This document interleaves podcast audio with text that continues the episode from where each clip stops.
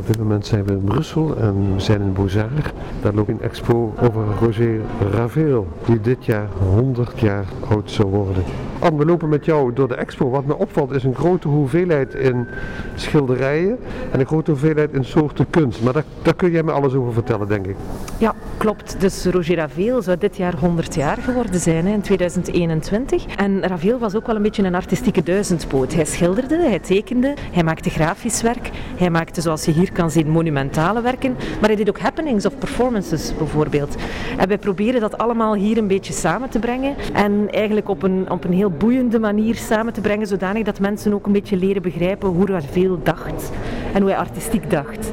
Ja, uh, in feite is het chronologisch, maar het geeft ook zijn thema's aan die elke keer ja, eigenlijk anders zijn. Hè? Ja, eigenlijk is het eerder thematisch dan chronologisch. Het is min of meer, we starten in 1948 en dat is het jaar dat Ravel zelf zijn, het sleuteljaar, de geboorte van zijn uivere heette. Waarom? Omdat hij in 48 een aantal werken vernietigde in de jaren daarvoor en dat hij door het expressionisme eigenlijk inzag dat je niet naturalistisch moet schilderen, maar dat je ook los van de realiteit kan komen en dat je daar veel meer mee kan doen dan enkel het nabootsen van de werkelijkheid.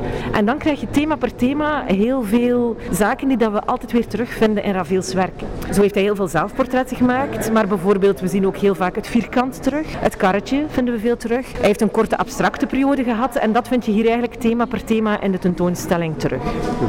Mensen meer willen weten, jullie hebben een website, hè? dan kun je ook tijdslot uh, boeken en zo. Ja, klopt. Wat is de website? Onze website is www.bozaar.be, dus www.bozaar.be. En daar kan je eigenlijk heel gemakkelijk een, web, een tijdslot boeken om de tentoonstelling te komen bezoeken.